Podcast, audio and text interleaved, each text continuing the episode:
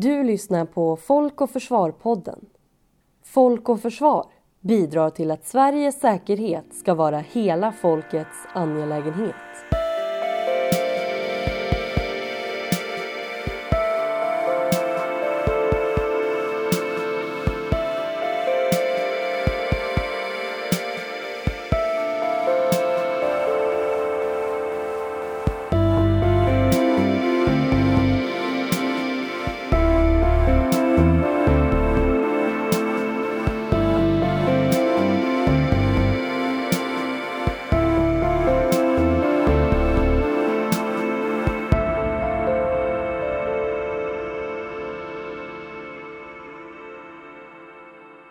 Sverige har historiskt sett varit ett digitalt föregångsland. Vi var tidigt ute med att koppla upp vårt samhälle och det har givit oss en god grogrund för högteknologiska företag och det har inneburit att befolkningen har kunnat skaffa sig goda kunskaper om teknik. Samtidigt har den här snabba utvecklingen försatt oss i en prekär situation. Vi lever idag i ett land som är beroende av högteknologiska kommunikationer och dessa är känsliga för angrepp utifrån. I takt med att det som tidigare varit manuellt eller mekaniskt automatiserats har de svaga punkterna blivit fler och konsekvenserna av störningar allt större. Ett exempel på detta som lyfts i tidigare Folk och Försvarsseminarium är betalningar. Ett angrepp i betaltjänster skulle få enorma konsekvenser för en befolkning som till stor del lämnat kontanter till fördel för elektroniska betalningsmedel. En annan aspekt av detta är att även om befolkningen är relativt kunnig om modern teknik så saknas det i stor utsträckning kunskap och rutiner hos individer vad gäller säkerhet på cyberområdet. Individen blir därför ofta den svagaste länken i många system. En angripare kan genom användares återanvända lösenord eller okrypterade kommunikationsmedel komma åt känslig information men kan också utnyttja vår tilltro till andra människor för att lura till sig tillgång till viktiga digitala system. Världen ser väldigt annorlunda ut nu jämfört med när vi hade vårt ursprungliga totalförsvar. Digitaliseringen är en fundamental förändring som skett på historiskt sett mycket kort tid. Därför har man nu inrättat ett militärt cyberförsvar. Men liksom i den fysiska världen är krig inte något som enbart berör en försvarsmakt. Även civila organisationer och individer blir brickor i ett cyberkrig och resurser och kunskap behövs därför i hela samhället. Ett slags cybertotalförsvar. Det här är Folk och Försvar-podden och vi kommer i det här avsnittet att ta ett helhetsperspektiv på cybersäkerhet. Från det militära, via det civila och ner till individen. Med oss för att diskutera dessa frågor har vi därför Hans Arvidsson och Kristoffer Karsberg från 4C Strategies och på länk David Olgart från Försvarsmakten, Pontus Jonsson från Kungliga Tekniska Högskolan och Rickard Öme från Knowit Secure. Själv heter jag Daniel Kjellén och jag är programansvarig för totalförsvar och krisberedskap på Folk och Försvar.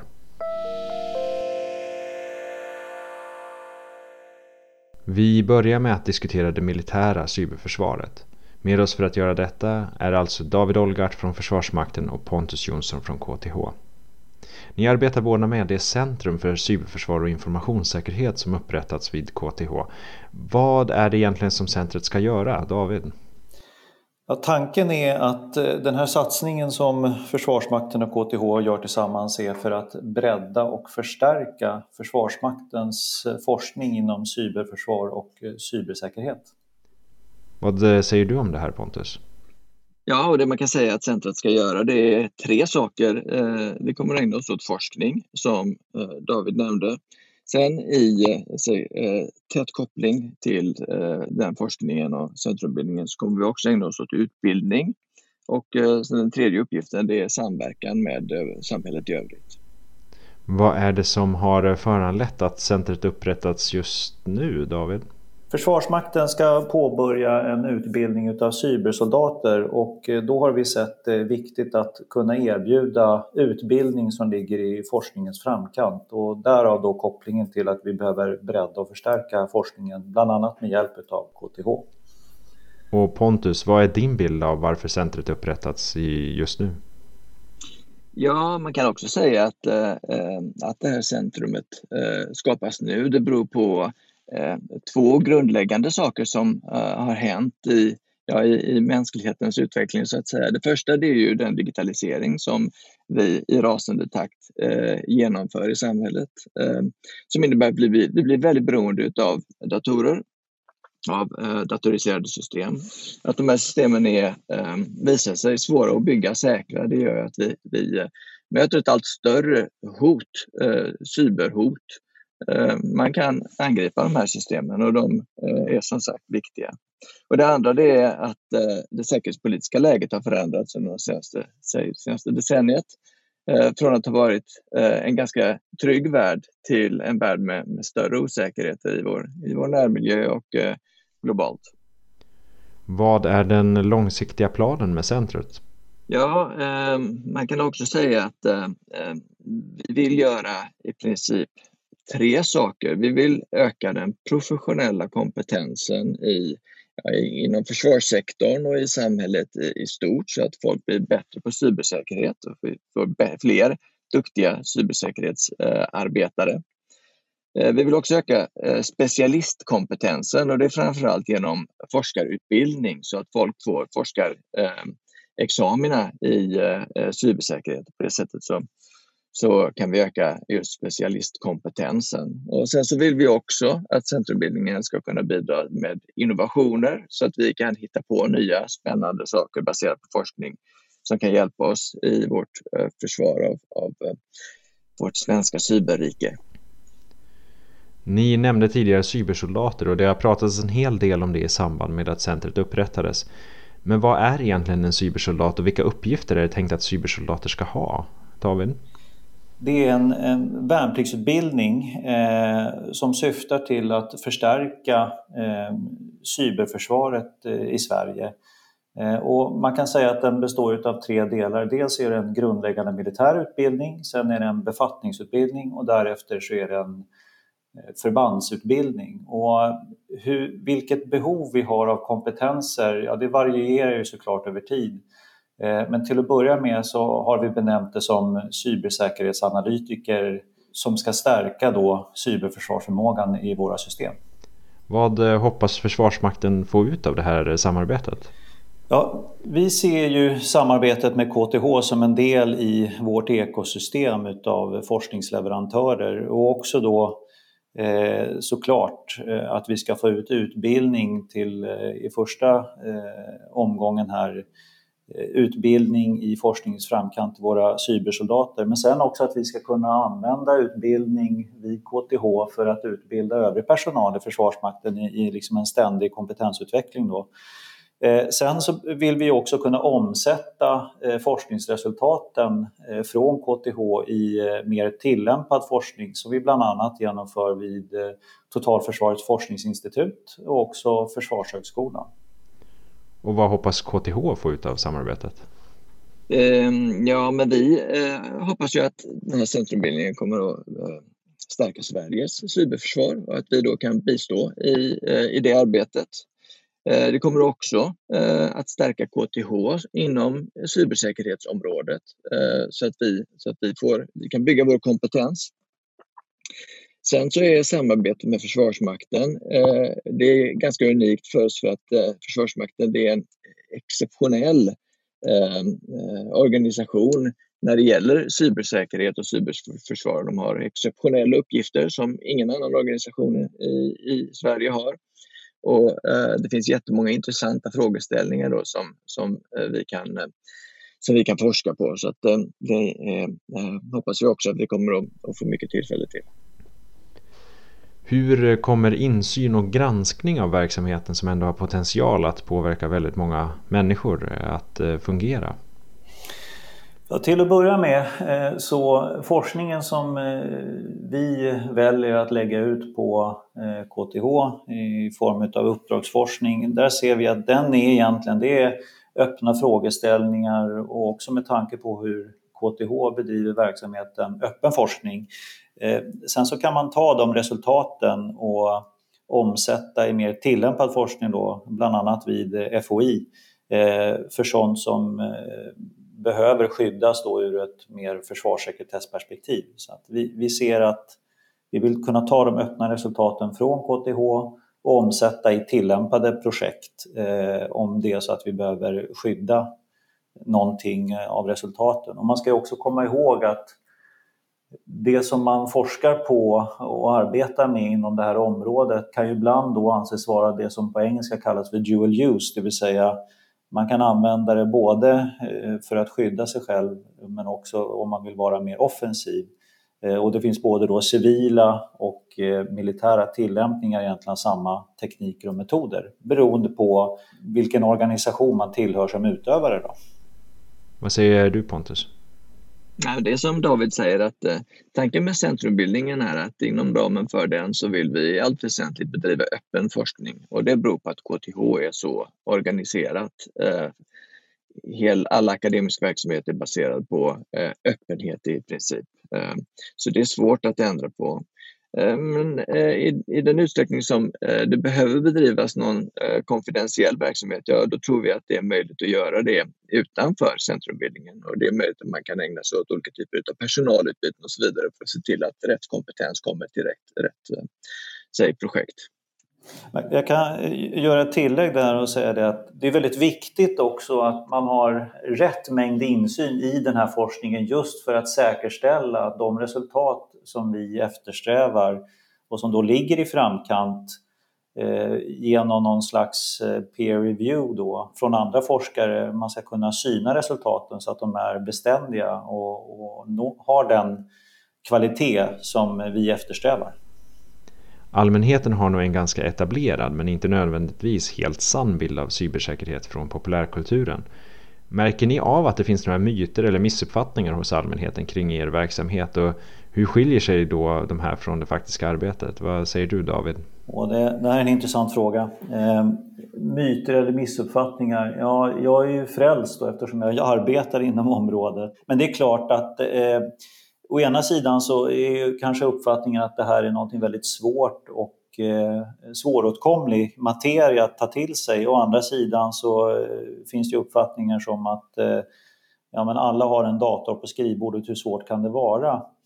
Eh, och det gäller ju att hitta en balans där eh, när man ska kommunicera eh, vilka säkerhetsåtgärder eller försvarsåtgärder man behöver vidta så att det blir en balans i det där då, så att det varken blir för mycket eller för lite. Och det är klart att det finns en viss mystik kring området med, från olika böcker med, med personer som Lisbeth Salander och så vidare. Då. Och ofta när man ser en typisk hackare är någon som sitter i en, en, en, tröja med huva på. Det är väl kanske inte riktigt så som vi bedriver verksamheten. Pontus, har du också stött på några myter och missuppfattningar? Det fanns nog mer eh, missuppfattningar eh, och myter hos allmänheten förr än nu. Jag tycker att populärkulturen har blivit mycket bättre på att skildra eh, cybersäkerhetsfrågor finns den här tv-serien Mr Robot till exempel som blev eh, ganska känd inom eh, cybersäkerhetskretsar därför att den så, på ett så eh, korrekt sätt porträtterade hackning. Så också finns en, en eh, serie nu som heter Devs på HBO. Den har också väldigt eh, eh, trovärdiga, eh, en trovärdig bild av eh, vad hackning eh, och cybersäkerhet är för någonting. Eh, skulle du säga Pontus att det är en fördel att eh, populärkulturen har blivit bättre på att skildra den här typen av verksamhet? Hjälper det er att eh, kommunicera det ni gör vid centret till allmänheten? Ja, jag tycker att det är mycket bättre att, äh, att, att äh, det inte finns så mycket missuppfattningar nu som det gjorde tidigare. Det gör ju det lättare för folk att förstå. Inte minst när det gäller etisk hackning att förstå att det äh, finns ett behov av att förstå de här teknikerna, att att utbilda i dem och så vidare. För 10-20 år sedan så hade det varit helt omöjligt att på KTH ha en kurs som hette etisk hackning. Det har vi nu. Eh, och den är jättepopulär och eh, det verkar som att eh, samhället i allmänhet förstår att, att det är viktigt att vi på den goda sidan ehm, också förstår de här metoderna så att vi kan försvara oss och så att vi kan testa våra egna system. Och vad säger du om det här David? Om beskrivningarna av hur man arbetar inom det här området stämmer bättre överens med hur det verkligen är så är det ju, eh, man behöver lägga mindre kraft på att förklara vad det är vi faktiskt gör inom det här området och det blir också lättare att attrahera eh, personer att börja jobba inom området eftersom att det finns liksom ingen missmatch mellan vad man förväntar sig att man ska få jobba med och vad man faktiskt får göra. Så det, det, är självklart så att det är positivt att eh, beskrivningarna stämmer bättre överens med verkligheten. Om vi då går över på det svenska militära cyberförsvaret i allmänhet. Eh, är den verksamhet som Sverige bedriver inom cyberområdet enbart defensiv eller finns det också offensiva inslag? Har du någon kommentar på det David? Vi kommenterar inte i detalj eh, våra förmågor men det vi kan konstatera är att vi idag har de kompetenser som krävs för att kunna genomföra alla typer av dator och nätverksoperationer inklusive aktiva operationer. Eh, och det vi jobbar med just nu är ju att förstärka förmågan ytterligare. Och så avslutningsvis, vi kommer i den här podden att prata både om militärt cyberförsvar och civil cybersäkerhet. Vad skulle ni säga, finns det några skillnader mellan militärt cyberförsvar och civil cybersäkerhet? Kan man prata om att det är olika saker eller är det egentligen två sidor av samma mynt? David? Ja, eh, från vårt perspektiv så är cybersäkerhet en förutsättning för att överhuvudtaget eh, kunna eh, bedriva cyberförsvar. Så att det behövs en grundläggande hygien. Och i det här fallet så är det cybersäkerhet då som en förutsättning för cyberförsvaret. Och hur ser du på den här saken Pontus? Ja, cyberförsvar är ju inriktat mot nationens säkerhet så att allting som är cybersäkerhet är ju inte cyberförsvar. Eh, om en privatperson eh, blir eh, lurad på en summa pengar till exempel, eh, det räknar vi inte in i cyberförsvar. Däremot angrepp mot vår digitala eller vår kritiska infrastruktur eh, eh, kan ju klassas in under, under just begreppet cyberförsvar.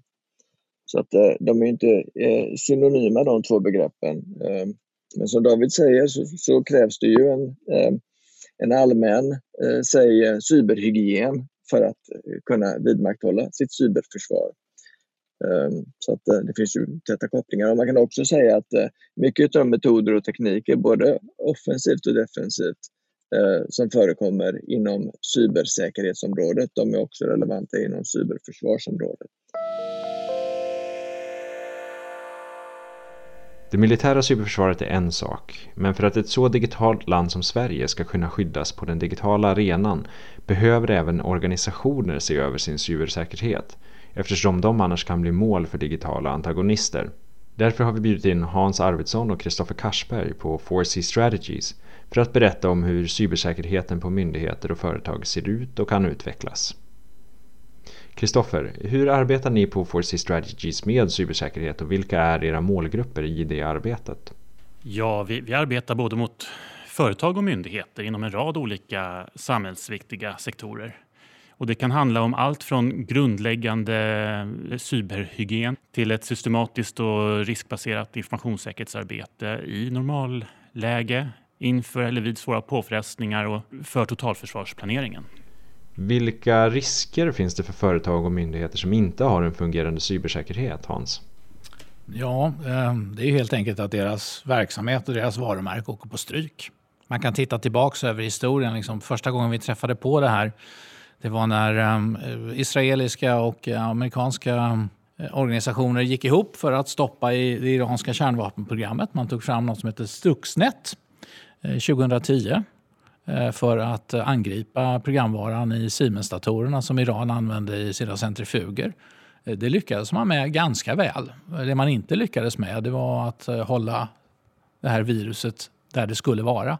Det spred ju sig till eh, Malmö allmänna sjukhus och en mängd andra platser runt om i hela världen. Så det var ju ett offensivt användande av ett IT-virus för första gången i stor skala. Eh, ganska avancerat. Eh, man ska titta på andra i tiden närliggande saker. har vi Maersk som blev av med hela sitt AD, alltså det, hela biblioteket med vilka användare vi har i systemen. 33 000 datorer stod där helt icke-fungerande. Man hade tur en av datorerna någonstans i Västafrika eh, hade varit offline på grund av ett strömavbrott. Och då kunde man plocka ur den hårddisken med hela organisationens AD, köra den med ett speciellt plan till Köpenhamn och återstarta systemet. Hade man inte haft det, då vet jag sjutton om Marsk hade kommit tillbaks. Då hade deras, deras verksamhet upphört.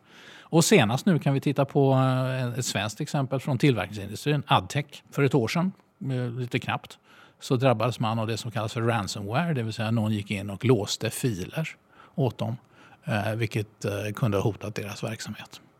Så att eh, det finns, finns mycket som kan hända. Du kan bli av med uppgifter som används till någonting annat än vad de har tänkt. Du kan bli av med din verksamhet, du kan bli av med ditt varumärke. Så risker kopplat till cybersäkerhet, det har vi verkligen. Både myndigheter och företag är ju måltavlor för antagonistisk verksamhet där en annan person, organisation eller stat på något sätt försöker att skada målet för verksamheten. Vilken typ av angrepp mot svenska myndigheter och företag förekommer idag? Vad säger du Kristoffer? Ja, det, det är väl framförallt kriminella och statliga aktörer som är de som ligger bakom majoriteten av, av de medvetna angreppen. Eh, ofta får de kanske oavsiktlig hjälp av någon anställd som, som klickar på en länk eller så. Och sen är allting igång. Man kan säga att nätverk och informationssystem är som ett eh, blodomlopp för en organisation och det här blodet kan vara väldigt eftertraktat. Organiserad brottslighet har tagits ut på nätet och, och kriminella kan då med enkla medel och utan att avslöjas komma åt konton och, och pengaflöden. Eh, och främmande makt har intresse av att kartlägga sårbarheter i systemen för att har möjlighet att slå till där samhällsviktiga verksamheter är som svagast eh, och där effekten blir som störst. Intressant att konstatera det att eh, de här eh, tonårskillarna i källaren som eh, var på tidigt 2000-tal de som var mest aktiva med att hacka olika organisationer eh, för att de ville göra det, för att de kunde göra det. Inte i något annat syfte än att bevisa att titta vad jag gjorde. Och så satte de flaggan där och så drog de sig ur och så blev de hjältar i den, eh, den subkulturen. De är i princip nästan helt borta. De får, sina, de får utlopp för sina eh, kreativa åder och, och så vidare i sådana här DreamHack-tävlingar och annat sånt där de också tjänar en hel del pengar. Eh, så det är en intressant eh, förändring i förhållande till vad vi hade bara för ett tiotal år sedan. Och hur omfattande är angreppen mot civila svenska mål idag? Hans? Jag tror det var redan 2016 som konstaterades att vi har över 100 000 angrepp från nationalstaten mot Sverige, det vill säga attacker i cyberrymden. Civila mål är ju i sig eh, intressanta men eh, utifrån ett totalförsvarsperspektiv så faller lite grann eh, distinktionen mellan civila och militära mål. Hade vi, har vi inte de civila kritiska infrastrukturkomponenterna på plats så kommer inte det militära försvaret ens att komma ut i sina ut, initiala utgångsgrupperingar. Så att, eh, det, det, där är en distinktion som lite grann har fallit i, genom att vi har ett militärt försvar som ser ut som det gör och ett sårbart samhälle som ser ut som det gör. Och de är inte dependenta där militära försvaret lutar sig mer på det civila än tvärtom. Inom totalförsvaret pratar man om gråzonen, ett läge mellan fred och krig inom vilket en antagonist kan skapa icke-militära kriser i en stat för att testa eller försvaga den statens försvarsförmåga. På senare tid har det alltmer kommit att handla om cyberangrepp. Går det i sådana lägen att avgöra om det man utsätts för faktiskt är ett angrepp eller om det är en oavsiktlig bugg eller ett säkerhetshål? Vad säger du Kristoffer? Ja, alltså i gråzonsproblematiken så ingår att hitta hitta och utnyttja sårbarheter och, och skapa osäkerhet, eh, misstro och, och, felaktiga prioriteringar. Just cyberangrepp är ett perfekt sätt att få till detta. För, då, för Det kan pågå i det fördolda under en längre tid. Och I ett gråzonsläge då så kan man förvänta sig en stor mängd aktiviteter, också utöver cyberangrepp, mot nationell kritisk infrastruktur, mot media och hälso och sjukvårdsaktörer med flera. Och eh, det tog även förekomma såväl fysiska sabotage mot eh, våra lokala dricksvattenförsörjningsinfrastrukturer som olika former av informationspåverkan. Just på grund av avancerade tillvägagångssätt vid cyberangrepp så, så kan det vara svårt att avgöra eh, om de störningar man får är angrepp eller buggar. Och därför behöver man ha allriskperspektiv när man bygger säkerhet då för sina system. Minska på sårbarheterna så minskar exponeringsytan för angrepp, systemkrascher eller vanliga misstag. Förra året släppte Riksrevisionen en rapport där man konstaterade att statsförvaltningen till stor del förlitar sig på föråldrade IT-system. Hur ska man hitta en balans mellan nya tekniska lösningar och gamla beprövade system? Det kan ju tyckas självklart att det kan finnas säkerhetsbrister i gamla system men gäller inte detsamma för nya system med potentiella brister som ännu inte har hunnit upptäckas? Vad säger du om det Hans?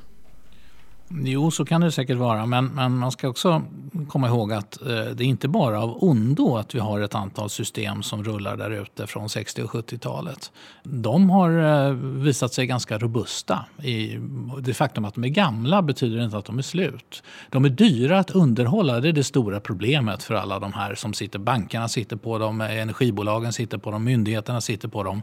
Många sitter på dem. Vi var tidiga ut med, med datoriseringen i vårt samhälle inte så att vi alla använder datorer, men centralt gjorde vi det väldigt tidigt. Vi, vi har varit duktiga där. De är också svåra att komma åt för en extern. Eh, men sen finns det ju insiders som vill oss illa och som kan då komma in i de här systemen. Eh, det är, eh, det är ju ett problem. Men det är, det är bara de som gör sig besvär mot de här systemen. Då kan man säga att ja, men det, då, då vet vi att då får vi jobba med den delen av hotbilden. Det vill säga den interna biten, för den finns också i, i högre omfattning än vad vi många gånger tänker på. Säkerhetsfrågor har ju funnits med på agendan i princip sedan cyberområdet uppstod i och med datorernas intåg i vår vardag. Men hur har säkerhetsarbetet förändrats över tid? Kristoffer? Ja, alltså förr så handlade det nästan helt om liksom IT-säkerhet. Allting delegerades till IT-avdelningen. Eh, accesssystem, backuper etc. Sen började det handla om informationssäkerhet, det vill säga skyddet av viktiga informationstillgångar. Vi pratar om informationens tillgänglighet, riktighet och konfidentialitet. Men eh, det har ju liksom inte räckt utan sen, sen har reglering kommit successivt via GDPR, eh, NIS och nu senast säkerhetsskyddslagen som då täcker betydligt bredare och bättre man kan väl säga nu då idag att informations och cybersäkerhet har äntligen lyfts från att vara något som delegerades till IT-avdelningen till att bli en ledningsfråga och en integrerad del av organisationens verksamhet. Vi är nu i ett läge där ledningsgrupper och styrelser har börjat förstå och ta ombord det. Men nu måste det läget omsättas till verkstad och för det så behövs ledningens inriktning, tillsammans med resurser. Hans, hur skulle du säga att svenska företag och myndigheter står sig mot cyberhot jämfört med andra länder? I och med att vi har ett så uppkopplat samhälle är vi också sårbara för angrepp inom den domänen. Ja, mycket arbete har gjorts eller pågår eh, på olika delar i samhället. Eh, man kan samtidigt konstatera att en del ligger efter. Eh, kommuner och regioner är ett exempel på det. Eh, där mycket arbete återstår. Eh, samtidigt kan man också konstatera att givet att vi får eh, 100 000 attacker på oss varje år från, från statliga antagonister. Det är inte vilka som helst. De har ganska stora resurser. Så klarar vi oss ganska så bra. Vi kan absolut göra mer av på bredden det är att vi jobbar med våra anställdas medvetenhet om problemen. Klicka inte på länken, ta inte emot ett USB, vidarebefordra inte det här mejlet. Se till att, eh, att din programvara är uppdaterad hela tiden och fuska inte med det. Så det, det kan vi göra som en breddåtgärd som vi kommer att ha nytta av. Sen behöver vi också jobba med att utveckla aktiv, eh, attraktiva utbildningar för, um, och arbetstillfällen, inte minst för unga som kommer in eh, och, och få dem att inse att det här med cybersäkerhet är jätteroligt att jobba med. Och så slutligen, vid tiden för inspelningen av den här podden så pågår ju covid-19 pandemin över hela världen. Vad säger du Kristoffer, hur påverkar den pågående krisen cybersäkerheten? Ja, det skapar sårbarheter eh, som kommer att utnyttjas. Under den här perioden så arbetar ju väldigt många hemifrån och är uppkopplade eh, mot våra arbetsplatser. Det är rörigt, det är nytt, rutiner finns inte på plats. Och det här utnyttjas av angripare för att komma in i organisationers digitala miljö. Det kan handla om eh, phishing-mail från din eh, så kallade IT-avdelning eller från en betrodd myndighet och där man utnyttjar då det här stora behovet vi har av att få information om vad som händer och att dela information. Så att eh, det här är en, en, en, en period av, av osäkerhet.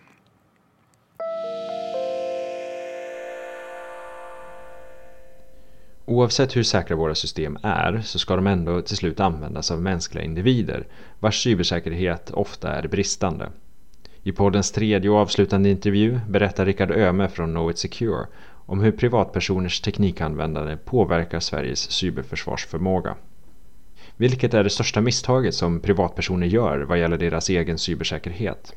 Många gånger är ju aningslösheten i att man kan faktiskt vara utsatt i sig det är någonstans där det börjar, så det är inget enskilt misstag utan det är så enkelt att klicka på en länk eller att göra någonting som man inte tänker vad konsekvensen kan bli.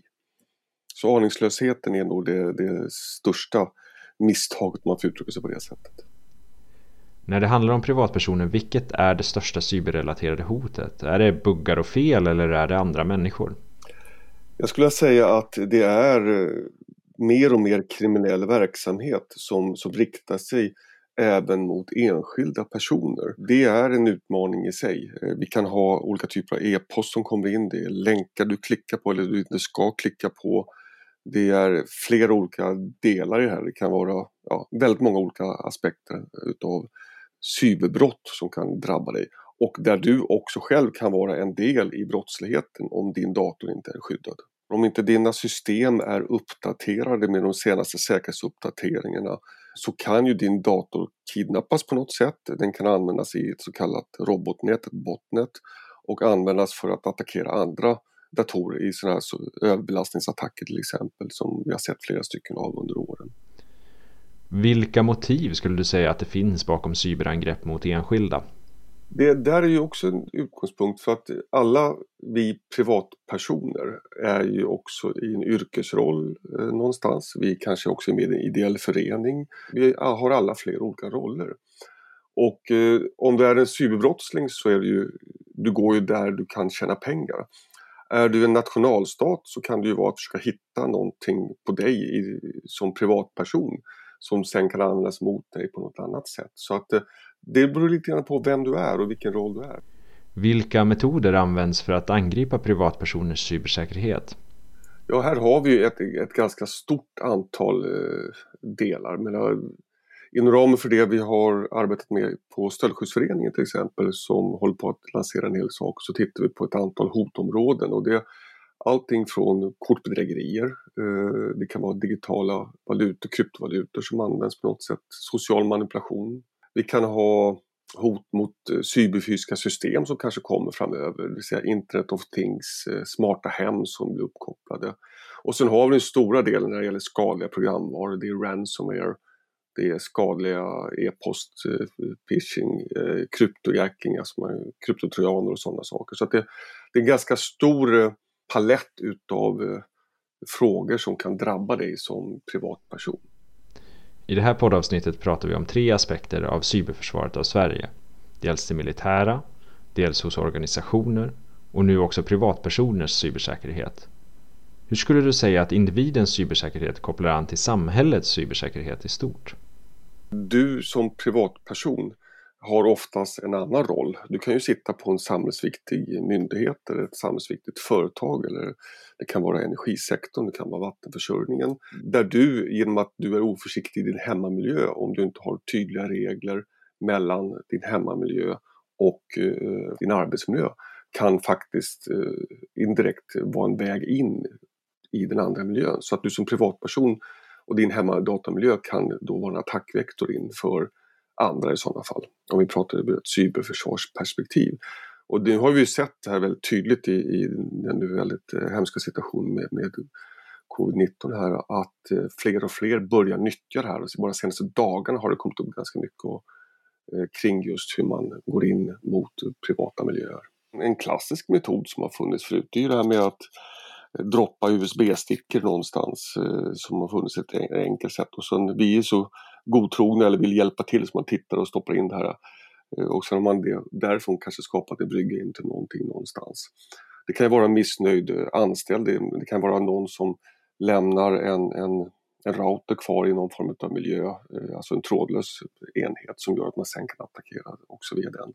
Så det, det finns ju så, och det är väl här det som är grundproblemet, att det, det finns så många olika vägar in och det räcker med en väg in för att du ska vara inne och kunna etablera eh, dig på något sätt i det här. Och där blir ju då det här som är cyberhygien egentligen i grundbotten, att vi alla hjälps åt. Och, och tillbaka till vad kan vi som enskilda människor göra? Att om vi ökar cyberhygienen i samhället och alla blir bättre så, så kommer vi alla bli säkrare. Finns det anledning för privatpersoner att oroa sig över att bli angripna av eh, statliga eller icke-statliga aktörer i ett försök att skada antingen den enskilde eller en organisation? Nej, inte direkt. Alltså i gemene man tror jag inte ska kunna vara orolig för det på det sättet. Utan det är ju mera om du har en roll någon annanstans så kan du i din roll som privatperson bli attackerad. Där finns det någon form av överförd hotbild. För det, det, det man gör allt det här, det, man använder ju aldrig mer våld än vad nöden kräver. Och man använder alltid de enklaste verktygen att komma in och det enklaste sättet att komma in. Det finns ingen mening med att hamra på en, en fästning som är väl skyddad om du kan gå ett enklare sätt in eh, via någon annan väg. Och det är väl det som är liksom eh, utgångspunkten. utgångspunkten. Så att det är inte i gemene man för gemene mans del på det sättet skulle jag bedöma det som. Men däremot om du har en, en position i ditt yrkesverksamma liv som gör att du är intressant. Då kan det här eh, vara farligt för dig även i din hemmamiljö och för de nära och kära också självklart i sådana fall. För ofta så delar vi ju många gånger IT-miljöer. Vilka är dina främsta råd till den privatperson som vill förbättra sin cybersäkerhet? Klicka inte på länkar som du inte känner till. Var källkritisk eh, även här. Eh, är det för bra för att vara sant någonting du får upp eh, så är det antagligen inte sant. Eh, uppdatera dina eh, informationssystem eh, regelbundet. Vänta inte med det. Och hur vet man om man har gjort tillräckligt för att skydda sig? När är man så att säga klar med sitt cybersäkerhetsarbete? Det är ju den svåra frågan. N när är du klar med den typen av eh, arbete som alltid förändras? Jag tror att du måste vända på perspektivet lite grann och utgå från att jag ska göra det jag kan för att skydda mig. Jag måste vara källkritisk, jag måste arbeta med de här frågorna. Jag måste uppdatera mina system. Tala med andra människor om vad de har gjort och leta hos dem myndigheter och strukturer och organisationer som har information. Och här är ju både Polismyndigheten väldigt tydlig, Myndigheten för samhällsskydd och beredskap och även då Stöldskyddsföreningen arbetar ju mer och mer mot de här sakerna, att eh, hjälpa till att skydda mot digitala brott. Och det finns andra aktörer också som gör det men här finns det liksom kunskap att hämta. Informera dig själv om vad som händer. Hur ska man agera om man som privatperson tror sig vara utsatt för ett cyberangrepp? Dels så ska man ju självklart, eh, tycker jag, polisanmäla detta först och främst till polisen för att eh, de har ju också statistiken. Eh, har man råd och då, då till exempel Stöldskyddsföreningen kommer nu bygga upp en bedrägeri helpdesk där man kan då få råd och stöd från dem direkt, liksom hur man ska tänka i de här olika delarna. Och sen ta till sig den här kunskapen men i det akuta läget så handlar det kanske om att se till att stänga ner det här och kontakta sin bank också direkt eller liknande eller, för att avbryta det här direkt man ser att det misstänks. För det här går ju också väldigt fort. Är man utsatt för ett bedrägeri någonstans här så, så måste man agera skyndsamt. Eh, och tyvärr är det så att det kommer smyga, man sitter där så ska man klicka på någonting och så gör man det. Och sen händer någonting och så blir man väldigt, nej men det här kändes ju inte rätt alltså. Och då är det ju oftast för sent. Men då gäller det att agera fort för att liksom minska den här risken att man faktiskt eh, blir påverkad eller utsatt för bedrägeri. Vad är din bild av framtiden inom cybersäkerhetsområdet? Vilka hot kommer privatpersoner att ställas inför framöver? Ja, här, här finns det ju, jag menar, hela det smarta hemmet eh, i, i sig är ju, är ju någonting som kan verkligen eh, innebära risker, både integritetsrisker genom de här smarta assistenterna som finns där du liksom ropar upp det här och hur har du skyddat det här eller för den delen smarta tv-apparater med, med videolänk. Här finns det en hel del frågor som man verkligen måste tänka på som privatperson. Eh, när det gäller IoT i övrigt, men du har ju nu smarta lås, du har andra saker som kommer och här arbetar ju branschen eh, mycket för att liksom skydda sig men en speciellt eh, avskyvärd del är ju alla de här brotten som nu går mot äldre personer där man ringer upp och egentligen lurar dem på något vis. Men bättre säkerhet, eh, BankID är en sån sak som ändå liksom gör att man kan logga in på ett bra sätt och verifiera sig. Eh, där har man liksom möjlighet att skydda sig på ett annat sätt. Så du skulle ändå säga att det finns några ljuspunkter inför framtiden? Ja, det gör det absolut och jag tror också att, att det som är lite svårt här det är ju att, att ny teknik många gånger anammas väldigt fort utav, utav kriminella och de som vill det illa. Vi andra i, i demokratiska stater arbetar ju på ett helt annat sätt utifrån liksom vad som är lagligt, vad man kan göra så att skyddet kommer lite senare. Men här bedömer jag verkligen att eh, sådana saker som AI, maskininlärningsdelar kan hjälpa oss också att skydda oss på ett helt annat sätt så småningom. Eh, det är inte bara hot eh, bakom det här eller för den delen olika typer av kryptoalgoritmer och sånt om du kan göra autentiseringsfrågorna bättre. Det ska vara också lätt att göra rätt eh, som privatperson. Det ska inte kräva för mycket. Och tittar man på branschen så tror jag att man kan även komma fram till en helt annan typ av rådgivning när det gäller ja, hur konfigurerar du din hemmarouter? Hur ska du göra de här olika delarna? Så att där finns det en hel del att göra mer och där tror jag att man är på väg att svänga in i och med att många nu ser eh, att det här är, är, viktigt. Och bland annat därför som jag nämnde tidigare också så arbetar till exempel Stöldskyddsföreningen nu med att, att göra lika mycket råd och rekommendationer och vägledningar som man haft på den fysiska sidan eller lås och larm och sådana saker. Det gör man nu på den digitala sidan och arbetar med. Här. Så det, det, finns många saker man faktiskt kan göra och bli bättre på. Och så till sist, cyberarenan anses ju vara en krigsskådeplats eh, både i nutiden och ännu mer i framtiden. Hur ser du att privatpersoner kommer att påverkas av det här framöver? Vilka civila skador tror du kan uppstå i och med den här typen av konflikter blir vanligare? Ja, det kanske är en svart svan, men, men vad händer om du genom ett, ett cyberangrepp sätter eld på eh, 400 brödrostar runt omkring i svenska hem eh, mitt i natten? Vad gör räddningstjänsten då? Och sen några timmar senare händer någonting annat. Alltså det, det, alltså det, det är egentligen fantasin som begränsar vad man kan göra när allting blir uppkopplat och med den bandbredden vi har i Sverige också uttala alla så finns det ju väldigt många risker om man inte har byggt ens de säkraste delarna när det gäller den typen av infrastruktur bakom och säkerhet i produkterna.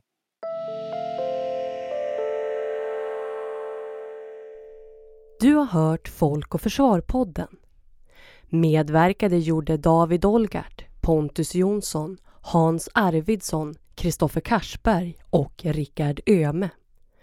Podden är skapad av Daniel Kjellén och Maja Jonsson från Folk och Försvar.